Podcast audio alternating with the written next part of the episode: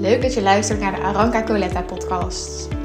Hier vertel ik je mijn persoonlijke reis van overleven naar een gelukkig leven. Ik deel je mijn tips en inspiratie voor meer zelfvertrouwen, rust en balans.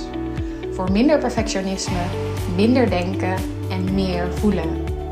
Ik geloof dat door het op een diep niveau werken met je onderbewustzijn er oneindige mogelijkheden voor jou zijn. En ik help je daar graag bij. Veel luisterplezier! Ja zeggen, maar toch niet doen. Ik zie het heel veel om me heen en sowieso zie ik het heel veel bij mensen. Um, wat ik dus vaak zie is, is dat mensen wat aan hun perfectionisme willen doen. Dus je wilt wat doen aan die stress die jij voelt, aan de angst, aan uh, dat je continu over je eigen grenzen gaat en jezelf vooral op nummer twee zet. En dat je misschien wel je leven zo hebt ingericht meer met wat anderen van jou vinden of van jou verlangen in plaats van dat je hebt gekozen voor wat je eigenlijk zelf belangrijk vindt. Of misschien herken je wel dat je heel veel in je hoofd zit, dat je eigenlijk een soort van wandelend hoofd bent geworden. Of dat je continu maar zo hard je best doet dat je continu over je grenzen gaat. Of misschien wel juist het tegenovergestelde, dat je uit angst dat je, ja, dat je faalt, dat je dingen toch maar niet doet. En je wilt daar wat aan doen, aan je perfectionisme. En je voelt van nou, ja, dat is echt nu waar ik iets mee wil. Maar toch doe je het niet. Toch doe je daar niks mee. En dat vind ik dus heel fascinerend, want dat is super tegenstrijdig. Hè?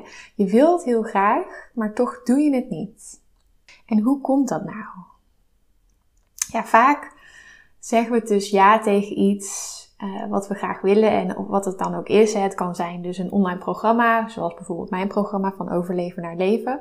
Maar het kan ook wat anders zijn, zoals bijvoorbeeld dat jij bijvoorbeeld fitter wil worden of je wil afvallen en je neemt daarom een uh, abonnement uh, op de sportschool. Je zegt dus ja tegen dat fitter worden door een abonnement te nemen op de sportschool. Of misschien wel wil jij je eigen bedrijf starten en meld je je aan bij de KVK. Het kan eigenlijk van alles zijn wat je graag wil. En vervolgens, nadat jij je hebt ingeschreven bij de KVK, of nadat je dat abonnement op de sportschool hebt genomen, of nadat je dat online programma hebt gekocht, ondanks dat je dat vanuit een groot verlangen doet, hebt gekocht of hebt aangeschaft of bent gestart, ja, doe je er niet zoveel meer mee. Misschien ben je één keer geweest of twee keer, maar daarna houdt het al snel op. hoe komt dat nou? Wat maakt dat we iets willen maar toch niet doen? Mijn mening is dat de pijn, of eigenlijk misschien wel het verlangen, dat dat niet groot genoeg is. En niet groot genoeg betekent niet dat het niet groot genoeg is, uh, aanwezig is, maar het betekent vaak eigenlijk juist dat we het niet genoeg voelen. En een onvervuld verlangen is ook pijn, wat heel veel mensen niet weten. Want als jij een verlangen, iets wat je heel graag wilt, als je dat echt kan toelaten, echt kan voelen bij jezelf, dan voel je op dat moment, als je dat echt kan, ook tegelijkertijd de pijn dat je daar nog niet bent. Dus je voelt dan ook het gemis.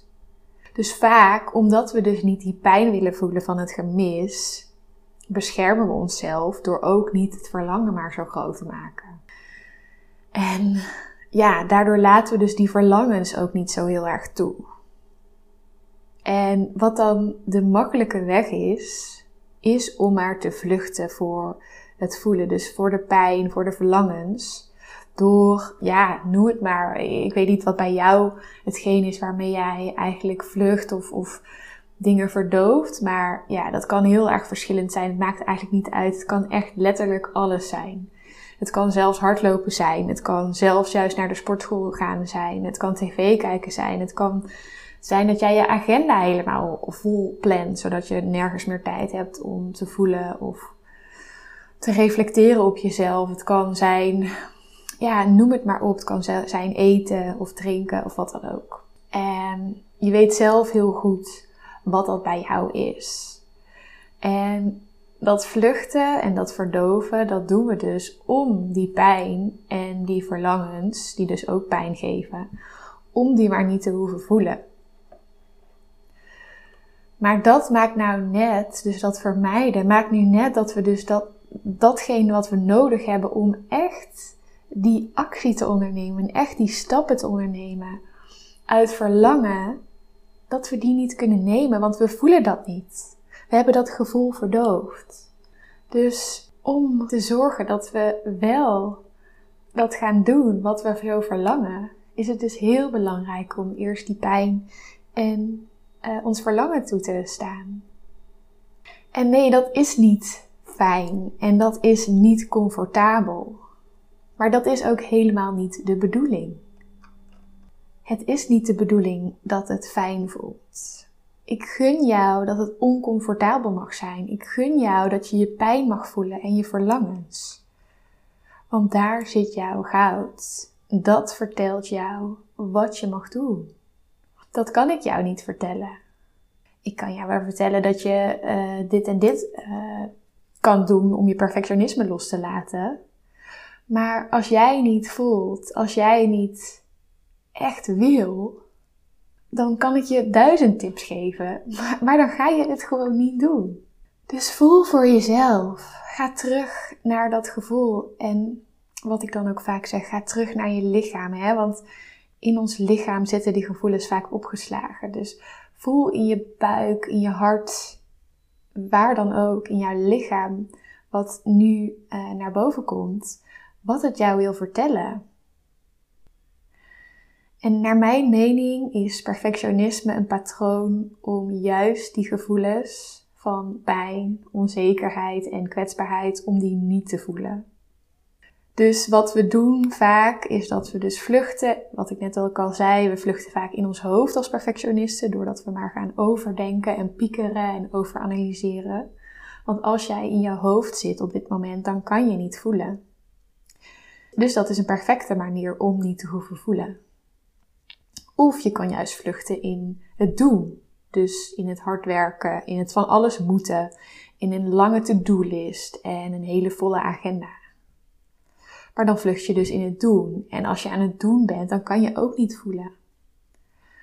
Dus om te kunnen voelen is het nodig dat je uit je hoofd gaat, uit de actie. Dat je stilstaat letterlijk en teruggaat naar je lijf en voelt van hé, hey, wat wil dit me nou vertellen? En wat wil ik nou eigenlijk echt? Want als je doorgaat in dat vluchten, doorgaat in het perfectionisme patroon, ja, dat houdt je dus gevangen. Je zit letterlijk vast en je kan geen kant op. Maar de enige manier waarop jij jezelf kan bevrijden is door het toelaten van precies datgene wat jij uit de weg gaat. Van precies datgene waar jij voor weg wilt rennen. En dat is dus de pijn, de onzekerheid en de kwetsbaarheid. En wat het dan ook is bij jou. Het gaat erom dat je leert voelen.